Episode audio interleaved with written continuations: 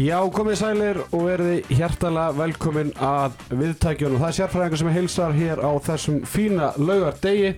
Önnur umferðin, hún er reyndar ekki öll að baki en við ætlum að fjalla um þá leiki sem fóru fram á háréttum tímaleik eh, IBF og K.A. Reyndar K.A. IBF var frestað eða breyttur leiktími með skömmum fyrirvar og við lát, tökum ekki þátt í þeirri vitleysu. Þannig hinga erum við komnir og ætlum að gera upp þá fimm leiki sem eru búnir í annar umferðinni og ég og Afi Gaupi allir svona hittast á mándags morgunin og, og fara yfir þar sem að þarf að ræða. En hingað með mér í dag eru þeir komnir Theodor Ingi Ponsen mérstu hjertalega velkomin Jú, þakka þér fyrir. Og Ásgeir Slæ Jónsson. Komið þið sælir.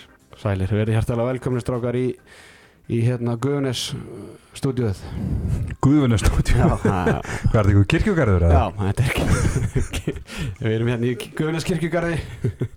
Herra strákar hérna verði ekki bara feskir?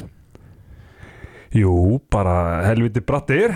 Lögðast morgun, þetta er endar orðið svona eins og setni partur fyrir mig eins og nýja lífstíl sem er að lifa þessa dagana þannig að aldrei verið að feskur klukkan 10 og lögðast morgun við getum orðað þannig. Já, ég er svona svipuðum málum bara Akkurat. Jú, bara, bara sláandi feskur sko. Það er ekki bara? Jú, Já, gott að vera komin hérna til ykkar Það er eru, eru fyrir á uppleið. Það er ekki? Ah, Jú, ég var alltaf að mynda að leggja til að myndi breyta byrjunlegin í í hérna started from the bottom með Drake. Komnir hérna og átti stúdíónu Já, já, þetta er betur. Fjóra stúdíu sem við verum í Þreim með tíabilið með eitthvað. Ég veit ekki hvað tíabilið þetta er Já, já, þetta er ætlaðum að takkaborðið þau stækka alltaf að stækka í Já, ég, ég er á flóakastinu sko. Þetta verður líka erfitt. Það er símaðu til að bjarna fritt sérna bara eftir smá og, og ég bara, já, enn eitt guðakastinu eins og enski, enski segir. En eitt kvíðakastið. Já, hvað segir Ásker hérna? Þú ert ekkert í, í þjálfuna Nei, ég er svona ákvað að hérna, taka mér aðeins frí. Fann Já. það bara að hérna, já, ég þurfti, þurfti bara smá pásu. Við erum saman í þessu er bæðið að fara saman á Ólís og fá okkur bensínbrúsa. Já, við, við erum hérna búin að vera í faðblöðum hérna ég og sérfræðingurinn, svona að stiðja hvern annan í þessu. Nei, nei, það er bara, þú veist það, það er bara þannig ef, ef að allir sem hafa verið í þessu finna, finna og vita, ef að dræfið er ekki 100% þá er þetta helvitis pakki og stundu það maður bara aðeins að anda og, og hérna koma inn með ferska pælingar. En þú ert samt ennþá eitthvað að fytla við handbólta En þú ert nú í skemmtulega verkefni sem ég og Teddy náttúrulega könnumst aðeins við. Já, það er nú kannski svona hluti af þessu líka. Ég vildi bara hafa tíma í að gera það verkefni almennilega. Ég sérst er að koreografa handbólta í afturölding sjómanstættirnir sem eru nú svona já, ég held að handbólta unnendur hafi vitað af lengi uh, og því félagarnir náttúrulega lékuð hérna sælra minninga í, í trailernum sem hann gerður. En, en svo kom dómara, er það sem ekki vita? geggjaðir. En svo kom heimsfaraldur og, og sett smá strik í reikningin og eitthvað en þetta er allt komið á, á blúsandi siglingu og tökur bara að byrja í næsta mánuði. Og hvenær getum við séð þetta síðan? Já, það er góð spurning en ef allt gengur óskum þá held ég að næsti vetur sé hérna já, þá ætti þetta að vera til sínis og, og hérna og þetta er bara útrúlega spennandi verkefni og hérna geggja fyrir handbóltan að fá loksi svona smá plattform á þessu sviði. Topp leikarar hérna, Ingvar E og Þorsteinn Backmann og, og, og hérna Sagarða Var ekki, var ekki sveppið þarna? Jú, Sveppi náttúrulega og, og hérna Svandi Stóra og náttúrulega ham, handbóltahópurinn hrikalega flottur. Marja Nelson, Marja Telma Þetta er svona Anna Hafþós og fleiri sem að hérna Hver er fá að dæma? Já, það er enda góð Við spurning ykkur ekki staða ykkur náðu þér. Nei, Hann á nú eftir að manna hitt og þetta en ég, ég skal ekki gott orð fyrir ykkur. Það er svona skemmtilegt minni í þessu Svona drikkveldur handbóltaþjálfari Ég þekki nokkra. Já, já. Herðu strákar hérna, förum að einbjöta okkur að, annari umferðinni og, og já, ótrúlust úrslitin sem eh, komu í þeir, þeirri umferð og, þó við að vera leitað kom í skóarselinu og, og við ætlum að heyra í þeim óstöðandi, orra óstöðandi Bjarnar Frittsinni þjálfara ír.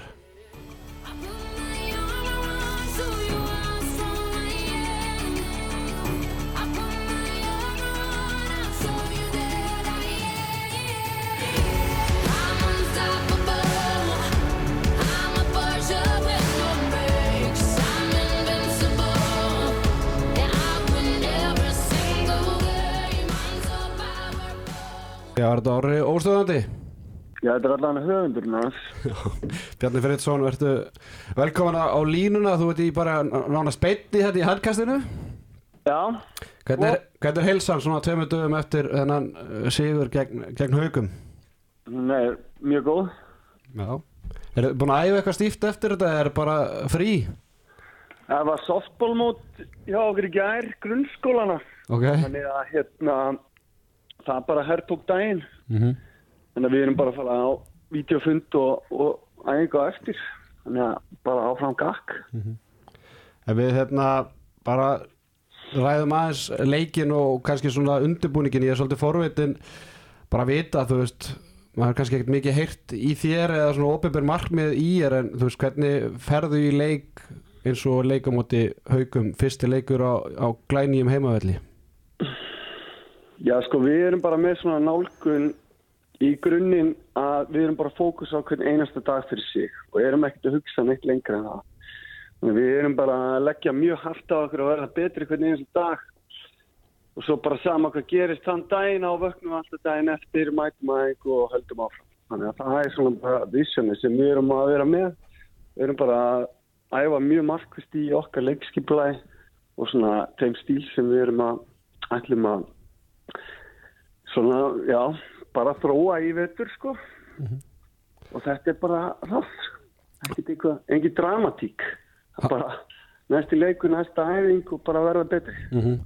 maður svona hefur átt tilfinningu fyrir leikum þú veist hvernig var svona tilfinningin hjá þér fyrir, fyrir þennan leik sérstaklega eftir þú veist erfið tap í fyrsta umferð á móti gróttu Já, við tókum bara grótuleikin og skoðum bara jákvað og svona aðeins og bara hvað misfóst.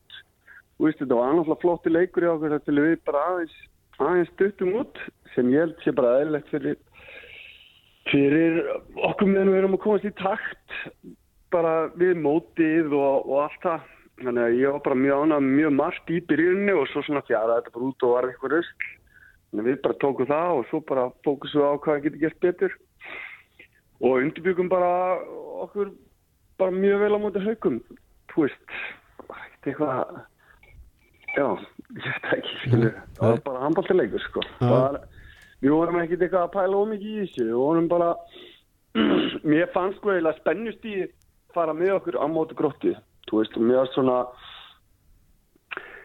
bara svona smá stress sem einkendi þú veist, liðið. Þannig að, og kannski bara mjög eðlilegt.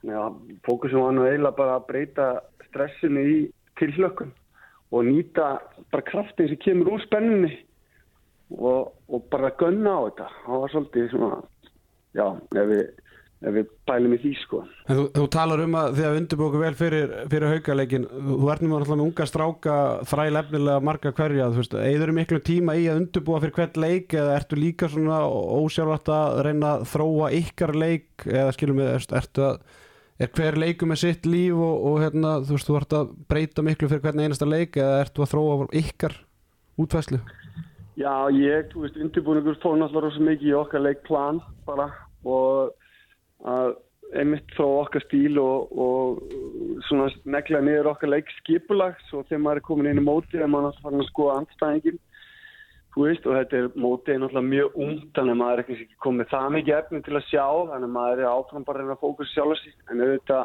reynir maður alltaf að, að kannski tvíka eitthvað aðeins til eftir því fyrir móttegin er en, en á samaskapi reyna að halda sig við sitt plan svolítið.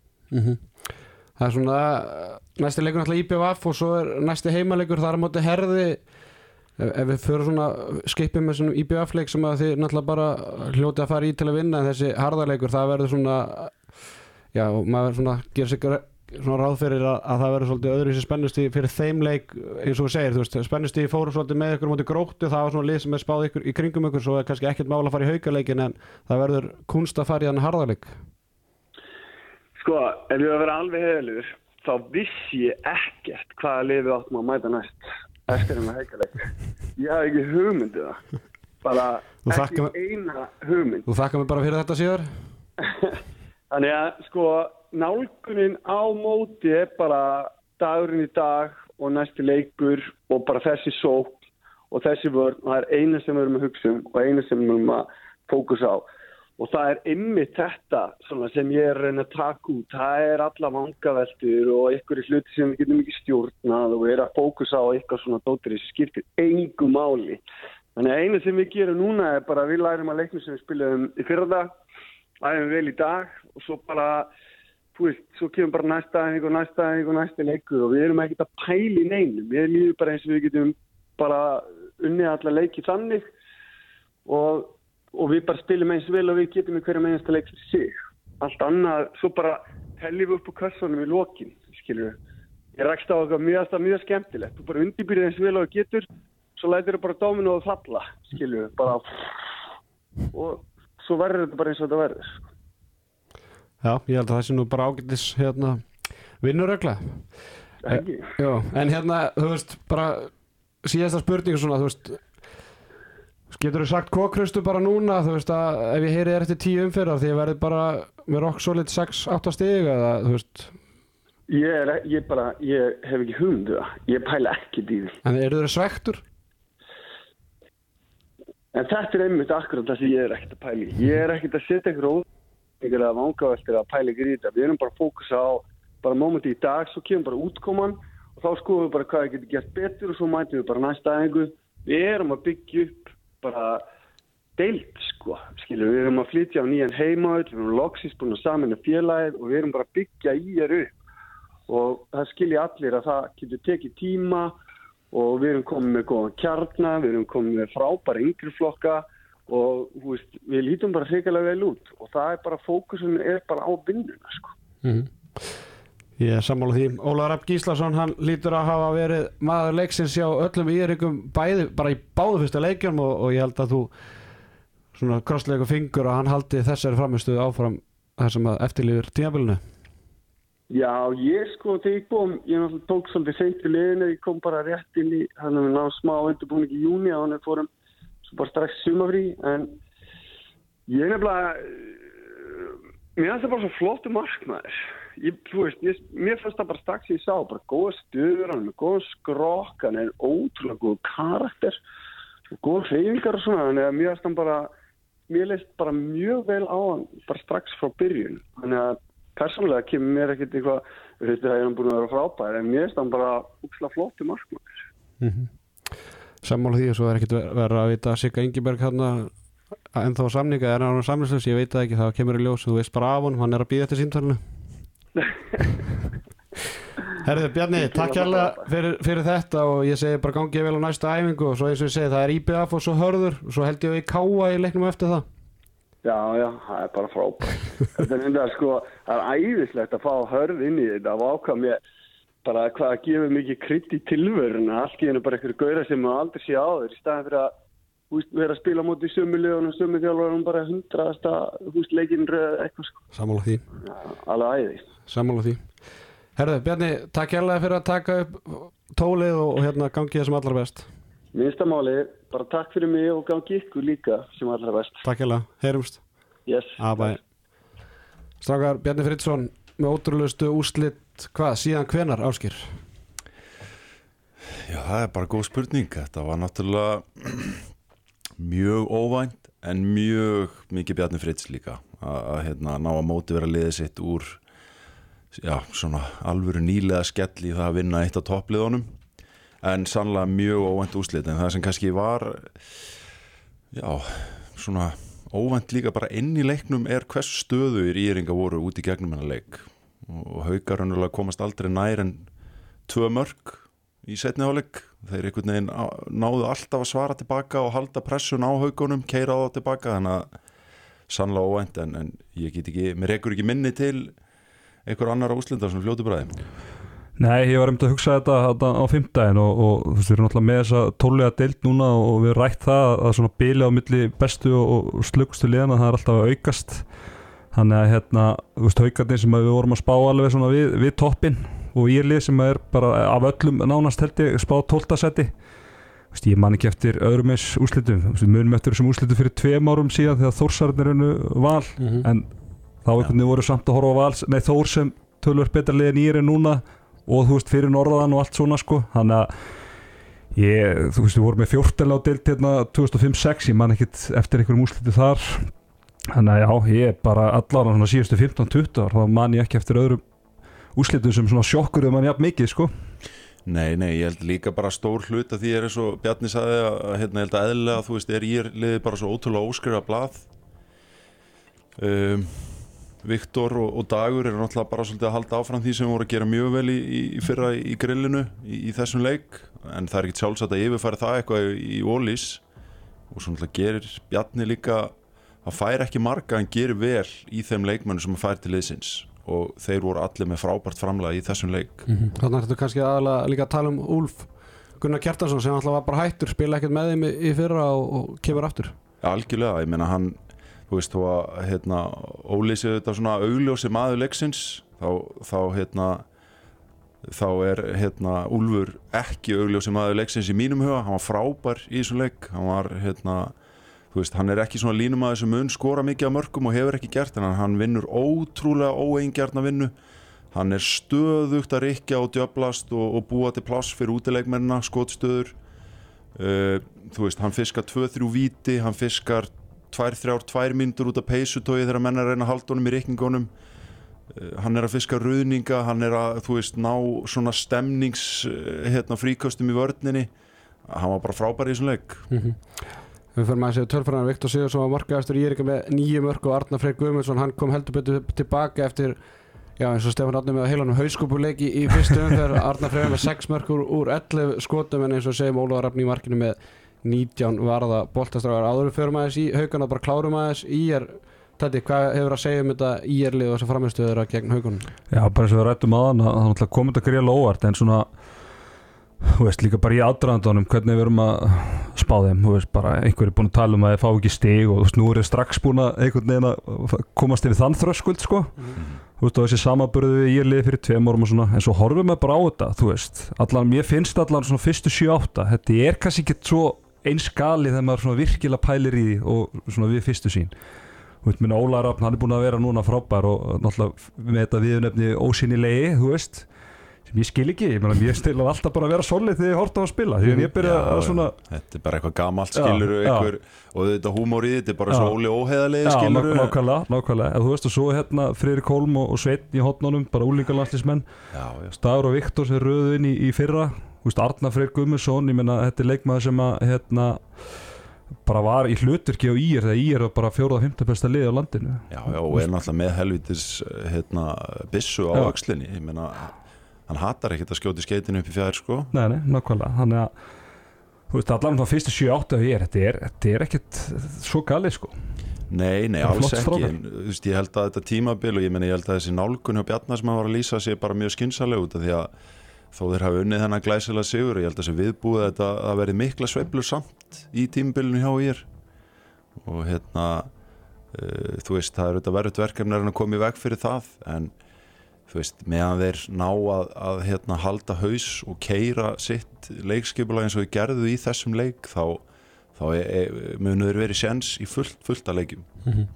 Bara við tala um einhverja leikmenn í IR-liðinu þú veist eins og Robert Snær uh, Bjarni Friðsson sækir hann í, í sumar stráku sem er uppærli í IR fer í hauka í fjórulokki er búin að vera svona viðriðin meistarvaki hjá haukanum en ekkert verið líklega að vera einhverjum hóp skilum og svo kemur hann núna, hann bara byrjar á möndu haukum í annar umferð bara í, í þristunum, bara í vartanskiptingu og svo spila líka eitthvað sóknulega þetta er, er beauty við góða þjálfar að finna svona leikmenn og, og núna svona smá fæ ég gæsa þú, ég tók þátt í þessu með gróttunum skilum og þetta eru já. leikmenn bara þú veist sem að eru hangandi kannski allt og lengi í val eða haugum Mhm. eða FH eða þessu stóru liðin sem er, þurfa bara að taka þetta skref þó að það sé erfitt að kingja því að þú sér kannski ekki nægilega góður til að spila í top 4 en þú veist, þá bara þú bætir þinn leik gríðarlega og miklu hraðar á að spila heldur en að vera að æfa í þessum bestu liðum sko. það er bara að segja sér sjálf Já, já, ég meina þú veist, ég ekki, vissi ekkit hver þessi stráku var bara fyrir, fyrir núna og, skild,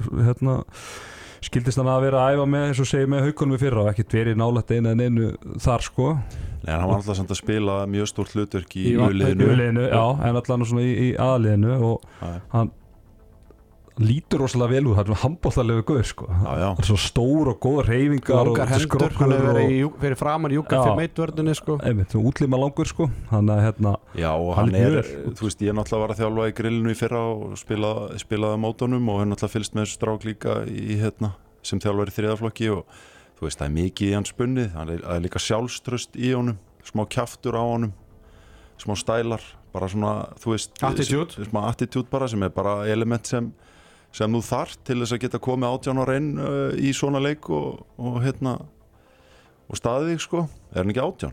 ekki En- 2003 model held ég, eða Eða ekki átján, nítján, eitthvað Hann svo er Eða 2002 kannski nei, nei, hann er, Hann er 2000, yngri. hann er 2004 Já, held ég, hann er 2004 því, held sko. ég. Já, ok Já, þannig að þú veist Já, ég meina en svo er það náttúrulega líka það að hérna, þú veist þegar þú ert að þjálfa lið eh, eins og þú varst í, í stöðu sem, sem þú varst í með gróttu og bjarni núna með ég er, þá þarftu líka að horfa út fyrir bóksið, skilur þú þarft að, að, hérna, finna þessa óslípu demanta og, og, og, og hérna, þú getur gefið þeim plássið en þú þarftu auðvitað að hafa ákveðna yfirsýn til þess að finna á og, og hérna, þú veist það hefði verið ógslag svona cheap way out að bara hlaða inn einhverjum svona squat players úr öðrum liðum bara, bara, bara svo, ger, svo gerðu bara hérna fyrir tveim árum. Já, emitt en, en þú veist, hann gerði emitt ekki það. Sama skapuðu þetta e, e, fyrir ír gróttu og, og hérna fleiri liðskilur ef að einn, tvei leikmenn meðast þá breytist ansi mikið. En, en það er bara þú, þú veist, það var erfitt að skipilegja tímabil út frá meðslum sko. Mhm. Það er það, ég held að við séum búin að tæma IR bankan, bara frábær sigur og eins og ég segi, ótrúlustu úslið sem að ég man eftir bara, ég veit ekki síðan hvenar en, En, kannski eitt bara örstuðt í restan sem ég langar að nefna því að Viktor náttúrulega með smá flugöldasýningu hann í markaskorun. Að uh, þú veist, ég var svona ég var aðeins að hrósa honum fyrir skotin sem hann er að taka í þessum leik út því hann er ekki bara að taka einhver skot hann er að taka mjög erfið skot fyrir bæði vörn og markmann til að verja þetta eru bæði ótrúlega hröð en samt föst skot. Mhm. þess að hann er, hann er ótrúlega fljótur að hleypa af.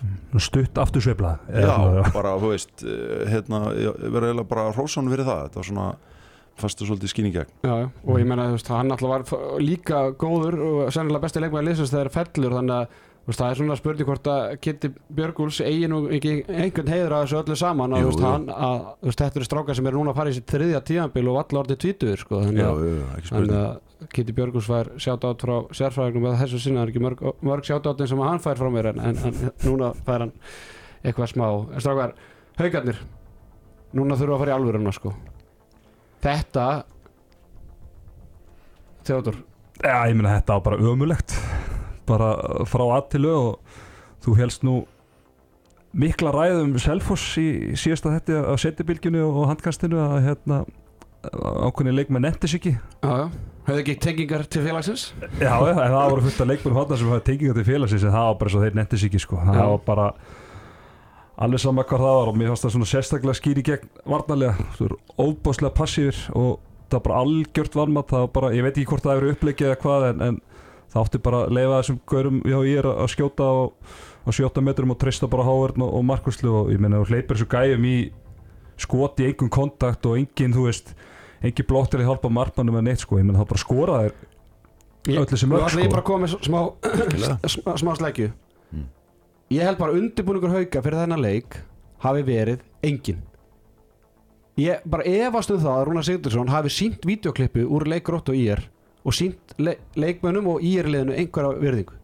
Skilur mig, þú veist og þú bara þú sem, þú sem haukar með þetta, þessa gæða leikmenn, ef þú undirbyrðir þessa leikmenn eins og þeir að fara einhvern alvöru leik þá tapar ekki maður IR með fullar virðingu fyrir IR bursið frá okkur vannmati eða léleri vörn eitthvað þá bara rekir á hlutina ef leikmenn vita hvað þeir eiga að gera. En í þessari stöðu eftir að horta á hana leik haukastrákunir, Heimir Óli og fleiri Adam, þeir vissu bara í- út í hvað þeir voru að fara Já, ég meina veist, það haukarnir þeir rétt vinna í er fyrir tveimur árum. Skilur mig, ef menn er ekki búin að brenna sig aðeins á því hvað er þeir að gera? Já, maður kannski er eitt að, að hérna, fullera hvernig Rúnar undirbjó liðið en, en auð, auðvitað er það þannig sama hvað var gert eh, hérna, að, að þetta var nýliða vannmatt ég meina þú veist þeim er slátrað í fyrsta leik og, og, hérna, og þeir eru bara svona hálf sjokkir að þeir einhvern veginn haugarnir á framistuðu íringa. Og ég meina eh, Rúnar samt líka reynir skilur og hann tekur leikli í stöðunni 12-8 sem skilar engu tekur aftur leikli í stöðunni held í 17-11 eða 12 sem skilar aftur engu.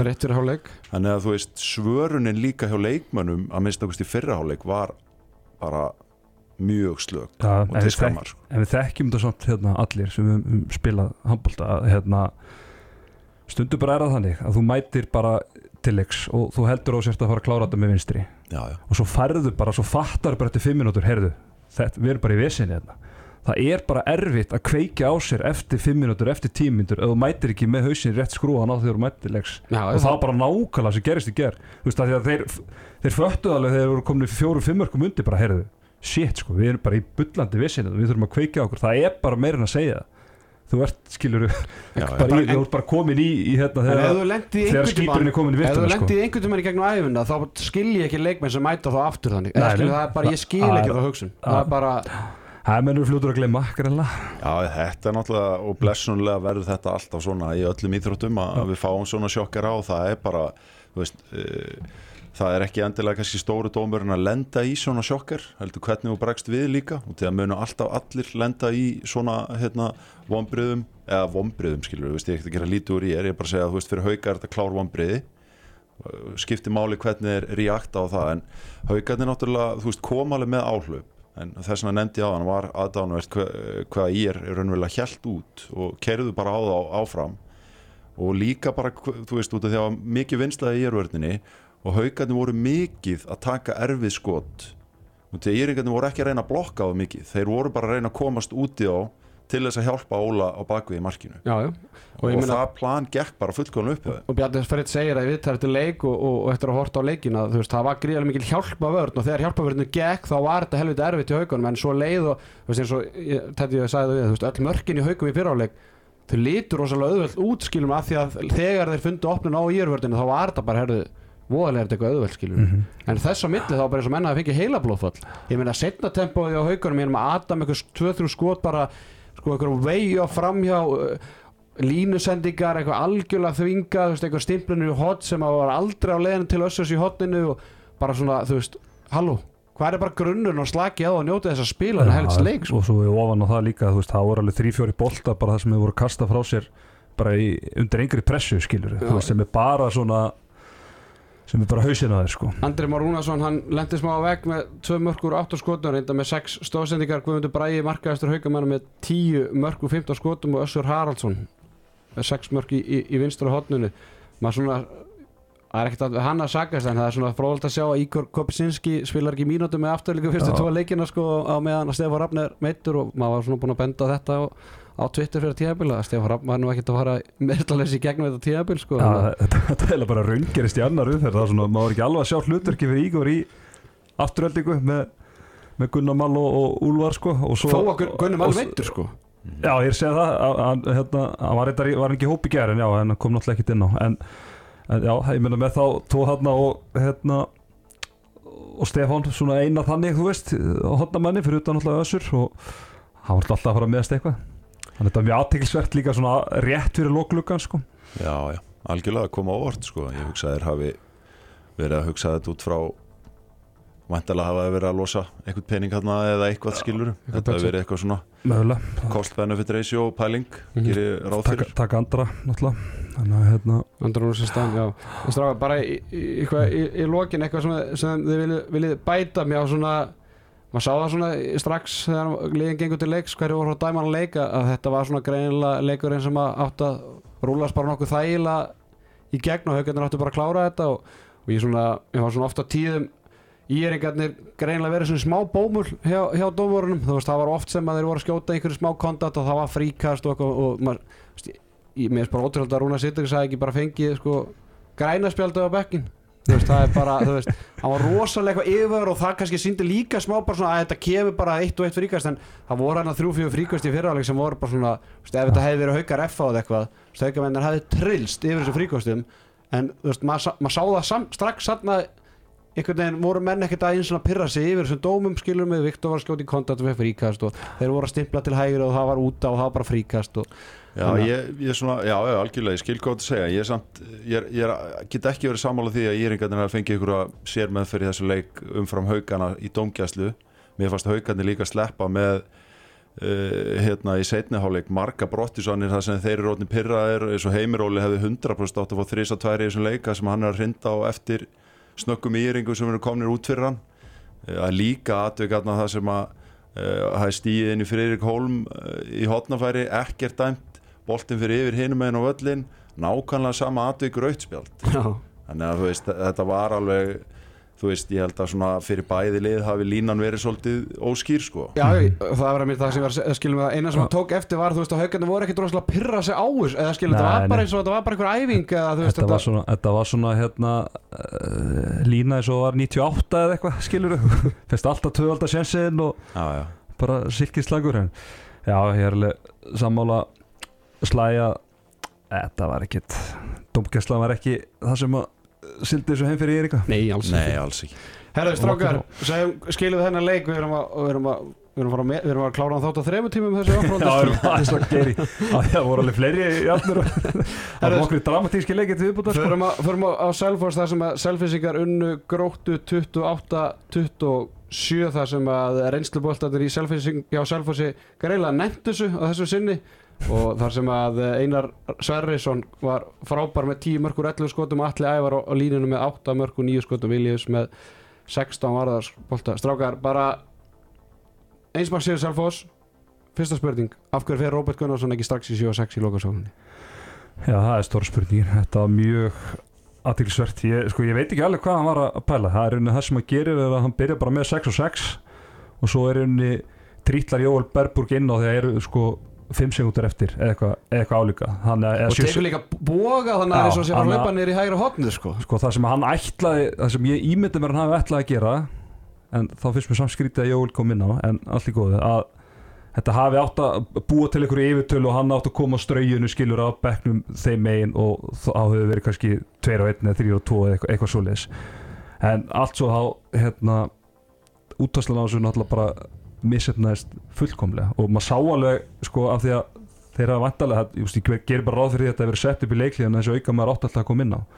Að það kannski gerði líka bara útilínuna svolítið óöruga skilur, þeir bara vissi ekki, þú voru alltaf að býða hvena kemur hann og þú, þá kemur þetta hík og þeir voru passífir í þessari sók já, sko. nákvæmlega, þannig að hérna, þetta var bara eins og Logi Geirsson var tíðrættum í setjabylgjunu ger, svona ennin bara slaka lokasóknin sem við séð já og þetta var líka umr umræða líka í fyrra man ég. Já, þannig að já, já, afturhilding áttu nú nokkrar í, í, í, hérna, í öfnu leikjum. í þessu jafntöðisleikju sínum. Já, já. En, svona, en svona þrátt fyrir allt sko, þá fannst mér þú veist eh, hérna, og Elvar fer í þetta loka skot, það var ekki hann sem að jú, hann alltaf tekur skref að dæm skref á hann sko. Já, já, emitt, jú, alveg rétti á, dæmt skref en hann fer hann upp og nær svo smágjötu skoti en, en þú veist, mér fannst svona og ekkit bara endilega í þessari sók gróta ha- hefði geta nýtt það betur að láta réttenda manni sem sækja milli 1 og 2 hægra megin til þess að opna hotnið og, og þetta var svona eh, ein sók til viðbótt og svolítið það sem svo staða skapast. En eh, þú veist, tempóði líka frá vinstri til hægri var alltaf svolítið svona, það var einhvern veginn alltaf veist, Birgir að leita og það vantaði svolítið svona Já, vantaði aðeins upp á flotið og, og svona grimdin í að ráðast á þetta svæði. Mhm.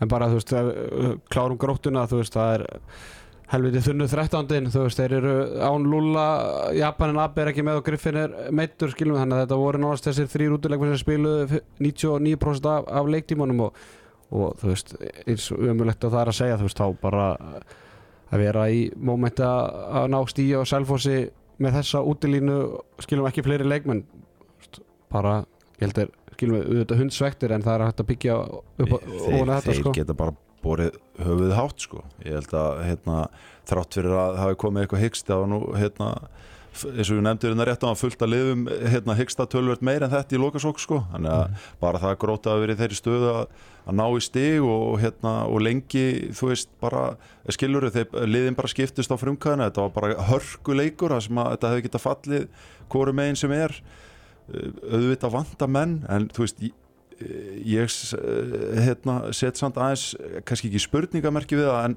en það, það kom alveg bersinli í ljós að Birgisteinn var þreyttur í Já. lokin út af því að hann var búin að spila 60 myndu vörn og sókn í þrist Eitthvað í bakverðum reyndar já, eitthvað aðeins í þristunum en, en meðan að það eru vantar þessa leikmenn þá, þá held ég að hérna, Robby verði að finna einhverju leiði til þess að ná að kvíla hann eitthvað aðeins út af því að hann er það ómissandi sóknarlega og, og hérna í síðasta markinu sem Selfoss skorar þá reynda að gera vel hann vörnir rétt og undan það, veist, það er of auðvelt mark Mhm. fyrir úslita mark að allir bara planta sér inn hann og auglustlega bara þreyttur næri ekki einu sinni að, gera, að sko reyna forvinnuna Þú veist, þetta er sem þjálfari að minnstakosti og náttúrulega bara allir þú ert mjög ósáttur að fá þetta mark á því svona auðveldlega á þessum tímpun Látt mig þekki það. Líkilmenn, selfisinga, Teddy Þeir, gömlu kallinni, þeir nettu þessu? Já, heldur betur. Heldur þú að kveikti þeim eða? Ég er ekki frá því. Já, nei, það er eina Sverris hann alltaf meittist þetta í uppbytunum móti fram hann að þeir söknuð hans og í þeim leikar klálega og, og ég menn hann er bara, þú veist bara á sínu degi er þetta bara allar besta skittan í sér deilt og allir ægi var bara var bara stórkostlegur og veist, þetta er bara nákvæmlega sem við vorum að ræða fyrir tímabilið veist, það er ótrúlega góð svona kjarni í þessu selfhóðslið, bara frábæri leikmenn, Viljus, útilínan allir efur á línni, svo eru við unga leikmenn svona til að hérna, fylla upp í þetta. Hann er hérna þú veist, þeir þurfa bara að standa upp stígu upp í að, til að Selfoss gera eitthvað hluti í vetur og þeir gera þessu leik algjörlega. Og ég meina, selfisingarnir, sko, þeir eru náttúrulega bara stálheftir að mæta gróttu svona mannaðir, skilur mig En það, þessi stíg var aldrei tek, tekin af selfisingum og þú veist, bara, ég hef ekki bóði í það að selfos væri með núlstíg eftir tvær umferðir og, og hérna Já, móti sko liðum sem er svona spáð í, Í kringum það, kringu sko. í, í töflunni sko Þannig að þú veist, þetta er, þetta er ekki bara tvö stig, þetta er líka bara sjálfströstuð og, og gefa einn smá svona innspyttingu bara í, í framhaldi því að þetta hefði verið helviti erfi vika eftir tapamóti, samfærdi tapamóti fram og síðan, síðan gróttu í, á, á heimavelli en hérna, ég svo er líka bara eðlilegt að að, hérna, taki smá tíma þegar lið missir uh, ja, afgerandi leiðt og Hergir Grímsson Mm. uh, hérna að finna kannski svona einhvern nýjan balans í því en það eru samt bara karakterar eins og Atli, eins og Guðmundur Hólmar, Einar þú veist, sem, sem verða þá að stígu upp eins og þeir gerðu í þessum leik og, og, og, og sigla heim svona leikjum sko. Ef við bara klárum þetta strákar uh, við vorum að tala um Birgistein áðan. Hann var með 5 mörkur 11 skotum uh, Jakob Ingis Stefánsson vinstur hóttan var með 6 mörkur 6 skotum. Hann er bara að byrja þetta tíðabil Já, ég er lítur að byrja næsta leik Já, ef allt er eðlilegt. Nema þetta sé bara Það er besta að flutið. miklu betur en Það er aldrei þegar eftir að báðu leikjunum. bara best að byrja á bara bekknum og mæta sig bara þegar hinn er farið að þreita Er það ekki, hvað var hann í var hann 7-7 eða eitthvað. 7-7 á móti í er eða?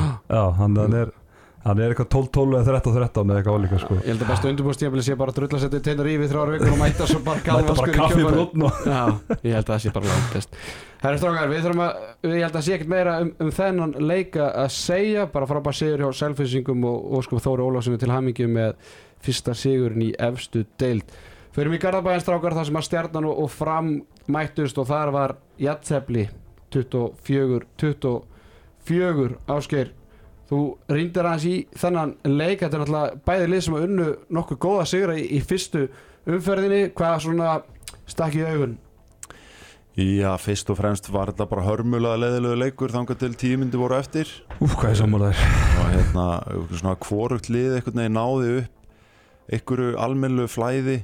Stjarnan var að ströggla mikið sóknarlega fyrir sjónlegir uh, framararnir voru líka að gera það fannst mér. Uh, þeir voru rosalega mikið að sækina á miðju þeir voru að spila hérna júka með Rick frá uh, svona meir og minna já, allan fyrstu 40-50 mínúnar eða, fyrstu 40 mínúnar þá til að stjarnan fyrir 5 uh, mér fannst rosa oft vanta hjá fram að þeir gætu spilað út úr fyrst og annari árás. Þannig að uh, já, þeir, þeir, þeir voru mikið að leita hérna inn á miðuna og, og Þorsteinn Gauti átti svona góða rispur og hann er náttúrulega svona mjög uník leikmaður, hann getur einhvern veginn eh, búið til eitthvað upp úr engu og lift sér upp á ekki eins og einu heldur einhvern veginn eh, hálfu skrefi og, og skotið. Uh, hann leitt vel út sóknarlega en, en stundum ekki nógu vel út varnarlega. En já, með svona, þú veist, mér fannst uh, stundum eins og kjartan hæra megin og Þorsteinn væri svolítið að cancela hvern annan út með of miklum árásum inn á miðuna, ég held að kjartan til dæmis hefði geta gert tölvört betur í að sækja milli 1 og 2 uh, og opna hotni sérstaklega. Mm Strákar uh, Lefa Snær Pétursson var markaðistur stjórnumanna með sjömörkur átt á skotum og það svona bara fyrir bara strax í, í loka aðtökið Einar Jónsson hafa nú nokkuð yfirværi viðtalina heldur að Kristófi Dagur hafi ekki hárblássaran inn í klefa eftir leik mm, Já, ég held það. En ég meina það er náttúrulega algjört breinfart. Já, já, þetta er eins og hérna eins og, og meðlýsarinn í á leiknum á stötu sport sagði sko þá hérna þú veist þá er þetta bara þú veist það er einhvern veginn búið að innprenta í hótnamenn að alltaf bara þegar bara skotið þá bara keirir og hann er bara á einhverju autopilot hann, bara, hann er ekkert, hann bara gleymir sér í bara splitt sekundu tekur þetta eina skref og þú veist og þá eru sko þrjú skref tilbaka í að komast í þetta þannig að og þá, þú veist, hann hefði bara tekið til hliðar og gripið henn á bolta, skilur Ég, þetta er bara nákvæmlega það þetta er bara, ég meina, munið ekki eftir þessu mómenti hérna í Haukar F og í, í Já. Kaplakrika þegar. Hákondaði tók nákvæmlega sama skilur Já. þetta er bara, veist, þetta er bara vöðva minnið Það verður ljúft ef Ívar Logi hefði verið þessum og mætti bræðið það voru búið til einhverju sögu þarna Já. En hérna, þetta útilínan hjá stjórnunni hún, hún í að orðið á liðið sitt fyrir tímabilið og já, hver er með þarna? Ég er með Tandra, ég er með Björgvin, Hergir, Gunnarstein, Pétur Odna ég held að hann ekki búist til því að í einhverju leik séu bara í rauninni allir að, að drulli upp á bak sko, eins og þessu leik. Kannski fyrir utan Gunnarstein sem átti svona góða innkomu í lokin, kannski þú veist þegar voru þarna 5-7 minútur kapli uh, svona í, í setni hálfleik þar sem hann svona svolítið dró vagnin og kom með mikilvæg mörg en það var bara skelving, það var bara hægt. Mm. þú veist, þetta bara stikk og stóð eins og Geiri Hall myndi orða það og já, það var bara skrítið að sjá þetta. Það var einhvern veginn alveg sama hvað hann reyndi. Hann reyndi sko alls konar útvæslur og ég veit ekki hvað er voru með margar sko hérna, mismunandi uppstillingar þarna í útilinni, en það var alveg sama hvað hann reyndi. Það gekk ekkit upp. Er það jákvæmt, Áskir?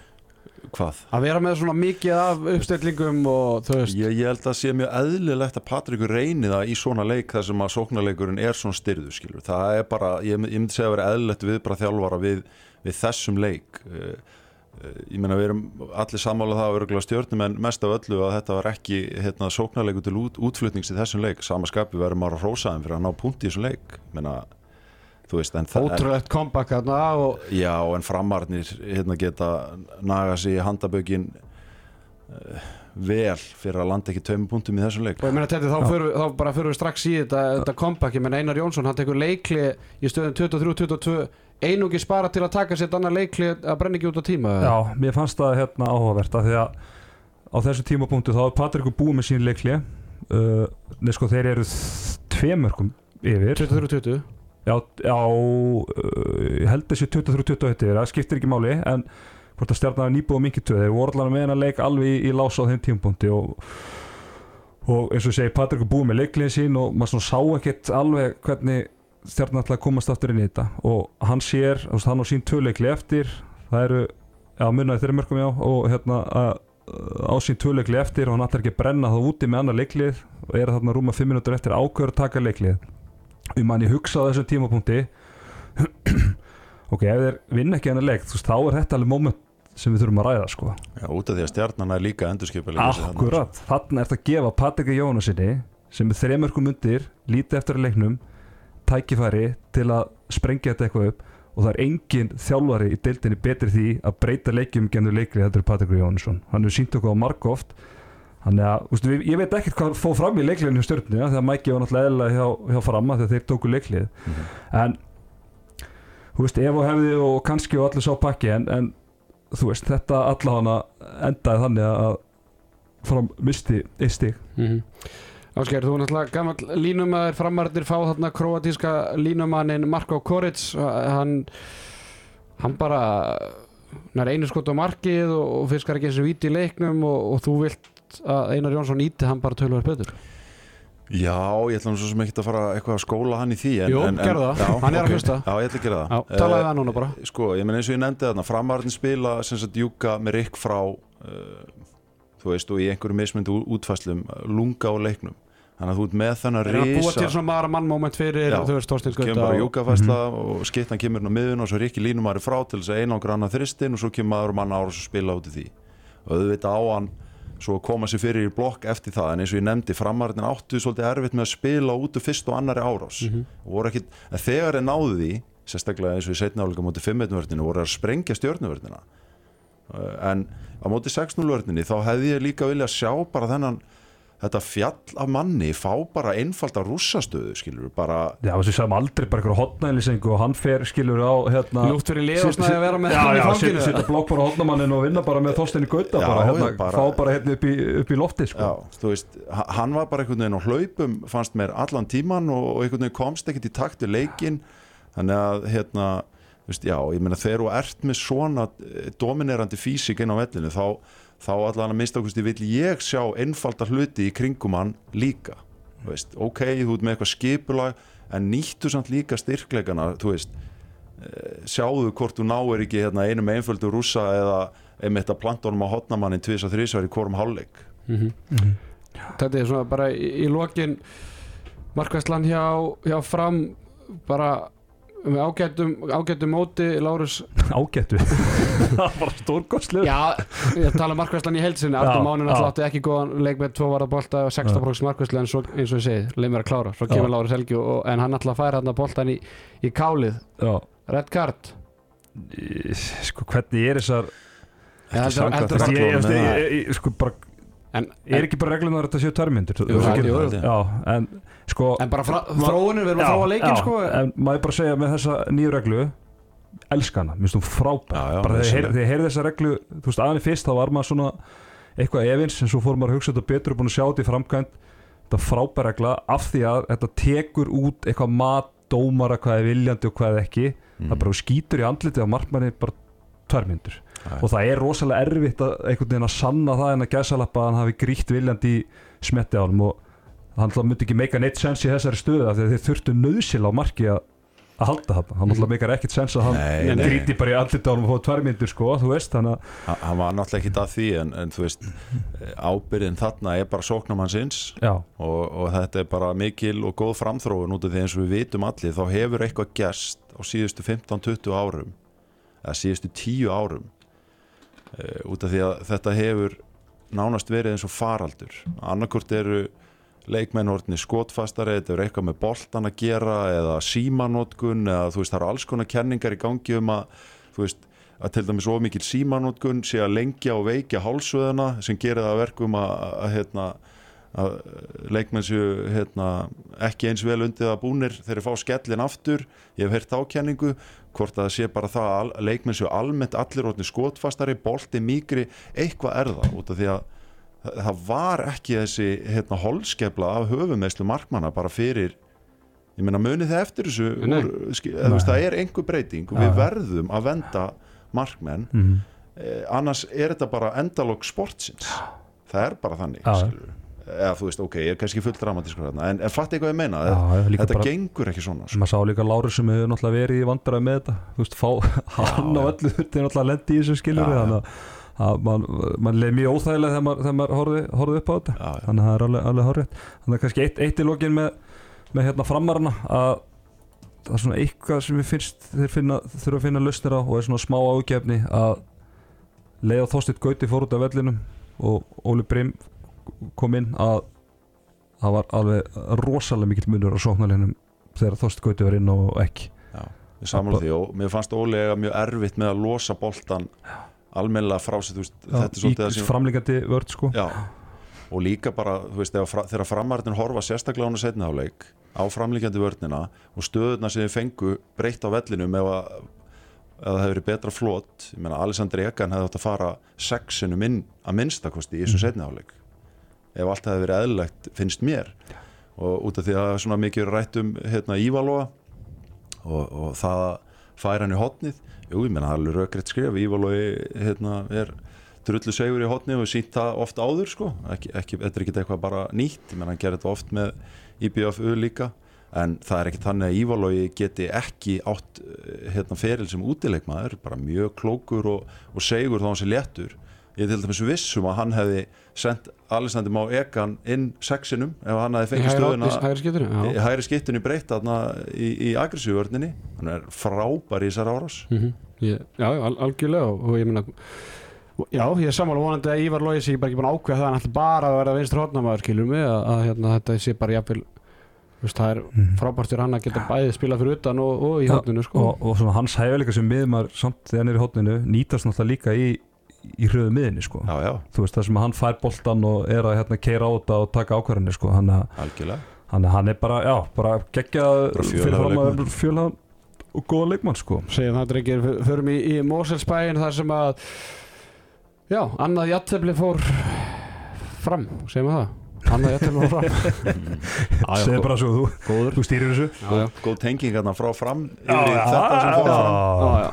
Afturhalding FH 25-25 uh, þar sem að uh, Blær Hinriksson stórleikari var með 7 mörg markaðistur Mósvellinga að meðan Áspjöld Friðursson var markaðistur FH með 10 mörg uh, ásker þú varst á, á þessum leik uh, enn eitt jætteflið hjá Afturhalding og, og hvað, sagan heldur bara áfram?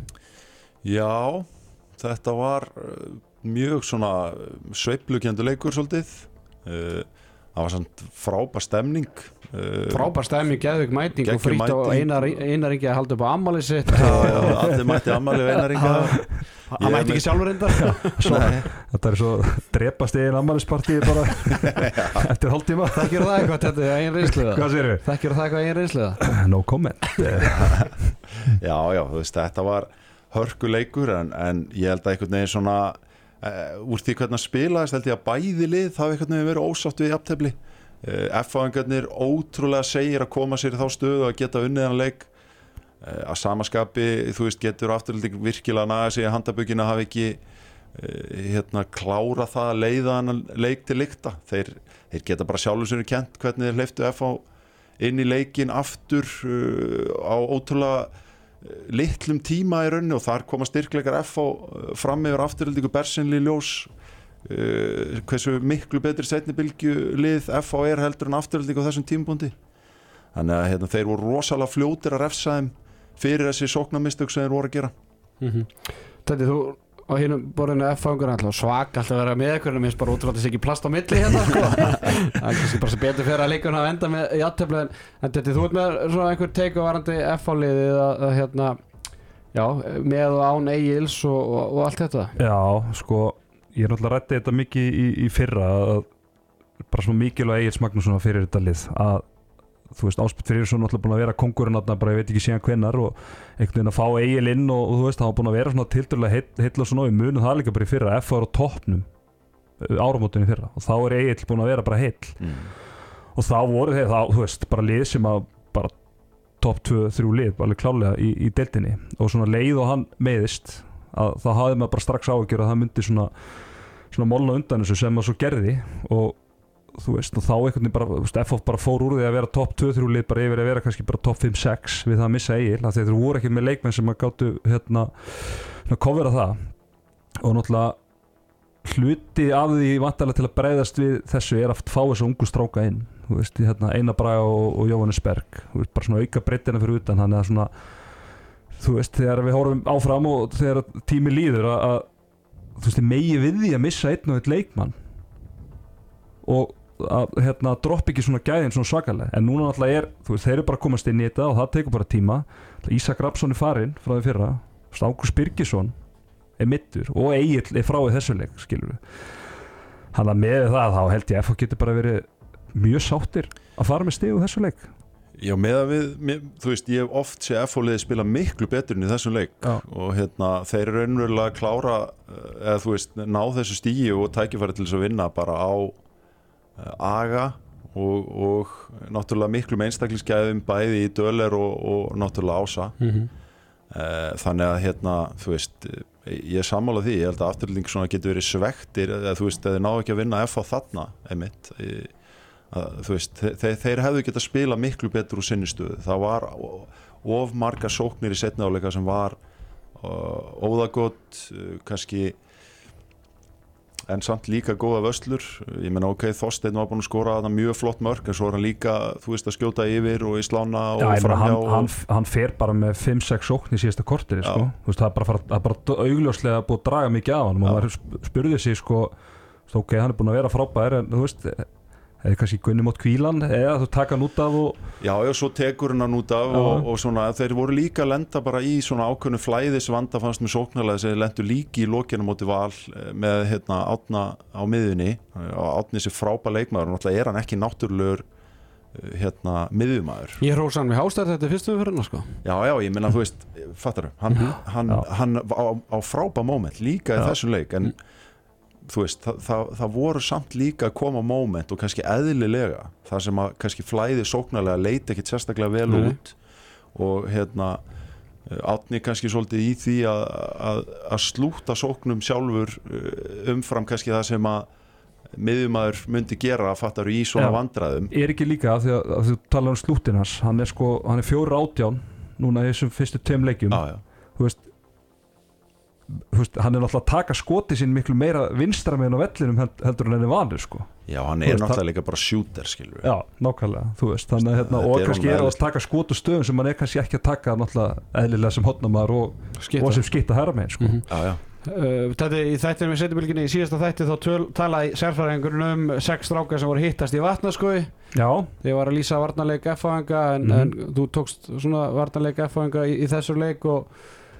já, það er greinlegt að Steini var að breyta og, og, og reyna græja og gera. Já, þeir sko byrjuðu í þessari vörd, svona svipari vörd og við byrjuðum út í stjörninu Akrísi vörð ba með bakverðina sko mjög hátt uppi og þú veist það gekk ekkert frábælega í, í byrjun en, en sko svo fer hann í framleikjandi vörnirunni sem að hjælt á því mómenti að væri bara því að þeir voru, kom, voru hérna, í yfirtölu og þú veist hvort þau voru bara þessi bara rétt á með voru í yfirtölunni að skipta það fóruð með Birgi fyrir framann eða Birgir og Jakob skipt, skiptist á að vera fyrir framann en þeir úgræðilega voru bara sátti með hvernig það gekk því að þeir heldu því bara áfram í rauninu út hálfleikin og það gekk svona köflu þokkalega. Mér fannst svona í þessari vörð þeir voru að fá sérstaklega Þorstill Leo blær líka voru að fá allt á auðveld. Þeir, voru að koma allt á auðveldlega í voru að komast allt á auðveldlega í bara góða skotstuður veist, Þorstill Leo þrís og fjóru sinum bara fær hann að taka þrjú skref sko. Já, já. þú veist, þú cover einhverju 7-8 metra sko bara, bara, og fær bara hérna hopp upp over eittur þannig að þeir fóru aftur í, í sína vörð Já, Í seinni hálfleik. Voru líka að fá mikið að færum hann í fyrirháleik og afturöldingur önnulega Pétur feð með ykkur tvö færi þeir hefðu hæglega að geta farið með stærra fórskot inn í hálfleikin Já, sko. algjörlega En ertu ekki samlega, voru ekki aðeins passíðar með bakgrunni setnum heldur en voru í þe- alveg klálega og Já. þeir voru líka bara að mæta miklu betur uh, hérna Árásonum inn Hafs, á Hafsendarnir voru að mæta Já, Árásonum í staðin fyrir að hérna, þú veist, þeir voru að mæta því að Árásonum voru komið mikið um miðin þannig að Hafsendarnir voru að mæta miklu betur upp heldur en og svona réttu moment, maður sá svona í sérstaklega þessu leikum út í stjörninni og í byrjunni þessu leik og að einhvern veginn svona tímasetninga þegar Hafsendarnir voru stundum voru þeir bara að fara út og þú veist, það var ekki svona að koma árás og bara eins og var að flýja heimilið sko. Hvað sér Það var bara stundum eins og þristan var að flýja heimilið í síðasta leik sko. nákvæmlega, en þeir náðu einhvern veginn að tímasetna Strjúka. betur í, í setna áleik algjörlega og, og ég menna Ási hérna, gerir líka mjög vel hann, hann næra eh, raunverulega eigðilegja flæðið eh, hérna, sóknarlega afturöldingu frá vinstri yfir til hægri eh, mjög oft og, og hérna, Þorsteinn kannski svona aðeins er reynslulaust þar hann lætur Ása stíga upp og trubla sig þannig að Þorsteinn nær allt og sjaldan að spila eftir júkarhefingun inn á miðuna á einhverju tempói yfir á hægri vangin Mhm. Þú veist, hann er svo stór að ef hann keiri bara inn í hann að vasa milli hérna, eh, Ha- Hafsends og Ása sem er hátt uppi sem bakverður Ása er ekki að fara að stoppa þessa sendingu þóstetni með hendina hátt uppi og lætur hann droppa milli 1 og 2 en hann, hann stoppaði alltaf á miðjunni skilur og let Ása raunverulega taka allan rithma. Hann að þarna á hann bara keiri í vasan fá Ása bara í, í kontakt og droppa honum yfir. Þú veist, hann er það hávaksinn, hann er ekkert að fara veist, en hann er líka bara ungur og er ennþá að læra. já, hann er samt Þorstill Leo sko, djúvill mér finnst hann hann alltaf líta bara betur og betur út sko, þú veist, og hérna dreigja að honum og, og hann er búin að vera mittur og það er vantarlega bara, þú veist bara búið á taknum að einhver, einhverju leiti sko, en hann bara bæði já, já, og svo bara reyfi geta hann á honum. Sko, hann var svolítið styrpus þegar hann var að koma hérna fyrst sko, hann finnst það miklu svona mýkri og betri reyfingar heldur en við sáum hann hérna þegar hann var að koma upp. Já, ég er sammála því og hann hefur líka bara verið gríðarlega duglegur. Uh, hann og Blær æfa mikið saman aukalega. Hjá Boga, okkar manni. Já, og líka bara í handbolta Búa Getta. eru mjög viljur í að mæta aukaæfingar, taka skotæfingar og, og svoleiðis og, og hérna, menn verða kannski líka hans að skilja svona þróun að sögu Þorsteins það er, er eðlilegt að hann sé ekki komin jafn langt og leikmaður uh, sem er minni.